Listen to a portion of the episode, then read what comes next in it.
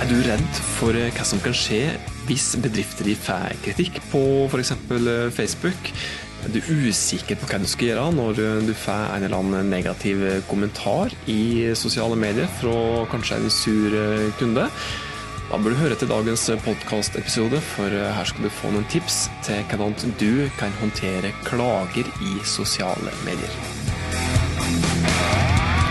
Hei, jeg heter Tormod Sperstad. Dette er podkasten der du får markedsføringstips. Tips til hvordan du kan bruke ulike markedsføringskanaler til å få bedrifter som du jobber i, til å få flere kunder og større omsetning. Kanskje et passende tema, for at uh, i dag, i hvert fall i skrivende stund, den dagen som vi gjør dette opptaket her, så nærmer det seg kanskje slutten på en hektisk uh, sommersesong. Så det et lite like, apropos-episode, dette her. Og liksom er typisk uh, i en turistsesong, da, er at veldig mange bedrifter, i hvert fall turistbedrifter, reiselivsbedrifter, får en del tilbakemeldinger. Mye positivt, men òg litt negativt. Og Da er det på sin plass at du kanskje kan få noen tips til hvordan du skal håndtere negative tilbakemeldinger. Og Du har kanskje sett eksempel på hvordan negativ kritikk kan ta helt av i sosiale medier. Med jevne mellomrom så ser jeg tilfeller der eh, klager som bedrifter får i nettopp sosiale medier kanskje spesielt på Facebook, tar helt av og når ut til mange mange tusen brukere på stutt tid. Og konsekvensen er ofte brutal. Jeg har sett norske bedrifter som har gått fra fem til ei stjerne på Facebook, altså i løpet av bare noen få timer. Og jeg har sett enkelte eksempel på at, eh, på at manglende evne til å drive kundeservice i sosiale medier har bidratt til at bedrifter faktisk har, har tapt eh, store summer, tapt omsetning, og faktisk enkelte bedrifter som har måttet stenge dørene sine. Så hva som da er viktigst å tenke på når du får klager i sosiale medier, det er det som du skal få tips om nå. Det er altså da fort gjort da, både miste kunde, omsetning og omdømme hvis du svarer feil på kritikk som du får på Facebook eller andre sosiale medier. Og det er et typisk feil som jeg ser, at bedrifter enten ikke svarer, at de svarer på feil måte. Og En ting som jeg ofte ser, det er at bedrifter går rett i angreps- eller forsvarsposisjon. Og så Selv om det ligger naturlig for oss mennesker å gå i forsvarsposisjon når oss føler oss trua, så er dette her noe som du som regel aldri bør gjøre når du får klager fra kunder i sosiale medier, eller i andre kanaler for den saks skyld.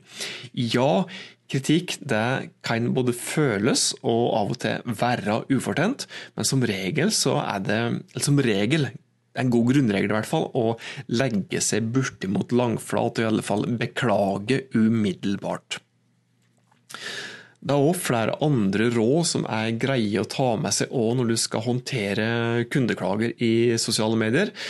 Og det første er at du alltid, alltid skal svare på den klaga som du får. Det er en god regel at du svarer på både ros og ris i sosiale medier. Det verste som du kan gjøre når det stormer som verst, det er altså å stikke hodet i sandet og leke struts og tro at hele greia går over av seg sjøl. Tro meg, det gjør det ikke. Det neste tipset er at du bør svare raskt. De aller fleste av oss forventer å få et raskt svar når vi kontakter en bedrift på f.eks. Facebook. Og et raskt tilsvar kan bidra til at du kan demme opp for noen av de andre negative kommentarene som garantert kommer til å komme som følge av den opprinnelige klagen. Jo fortere du svarer, jo bedre er det. Klager i sosiale medier der bør ideelt sett uh, bli svart på i løpet av ikke så altfor mange minutter, og du bør i alle fall ikke vente i flere timer før du svarer på ei klage som du har fått. Det å ha et varsel på smarttelefonen din det er til stor hjelp, slik at du blir obs på klager med en gang som den blir publisert. Så finnes det òg uh, flere tredjepartsverktøy som kan hjelpe deg å håndtere henvendelsene som du får, på en, på en effektiv måte. Du må òg vise forståelse gjennom svaret ditt. Svaret som du gir på kritikken som du har fått, det bør altså være så forståelsesfullt som mulig.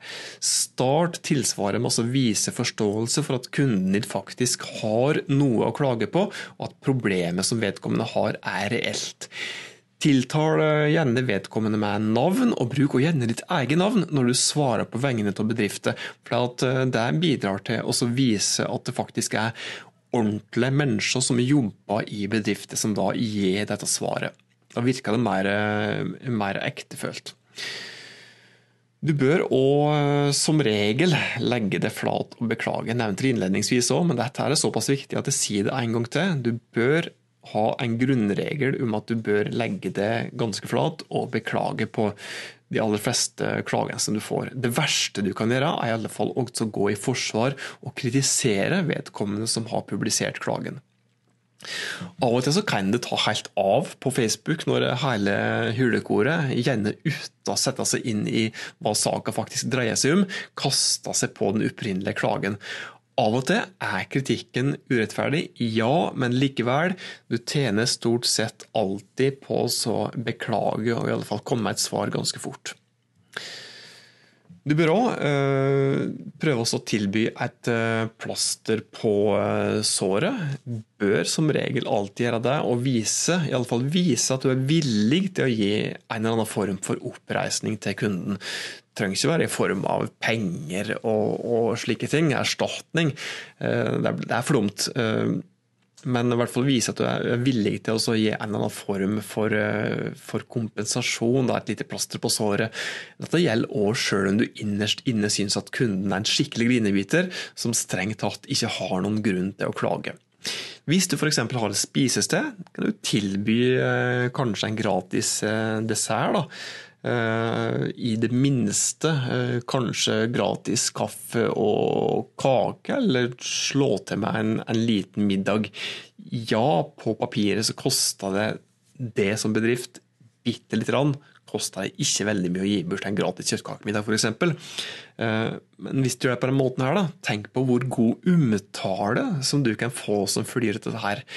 I beste fall så kan faktisk en kjempesint kunde bli din beste ambassadør når vedkommende i etterkant av at, eh, at den har fått eh, noe gratis for det, da faktisk legger ut et nytt innlegg på Facebook-sida di og skryter uhemma av den gode opplevelsen som vedkommende hadde hos det. Det må jo være det endelige målet for oss alle, at vi greier å snu en grinebiter av en kunde, en kundeklage Eh, en sur kunde til å bli en blid kunde, som kanskje også kan bli en eh, ambassadør for det etter hvert.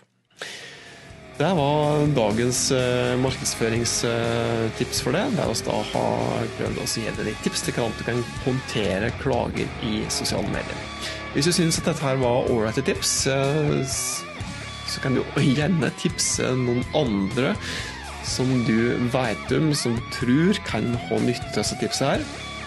Og hvis du ikke abonnerer på denne podkasten her, vær så snill og gjør det. Hvis du gjør det, så får du på et varsel på smarttelefonen din, slik at du ikke går glipp av neste episode med matnyttige markedsføringstips. Og som alltid er det ting som du ønsker at du skal ta opp i denne podkasten her, vær så snill og send meg en DM på Insta. Søk opp Tormod Sperstad der. Eventuelt send meg en mail på tormod.dmt.no så eh, skal du ikke se bort ifra at vi eh, tar hensyn til tipsene dine, og faktisk lager ei spesialepisode for akkurat eh, det.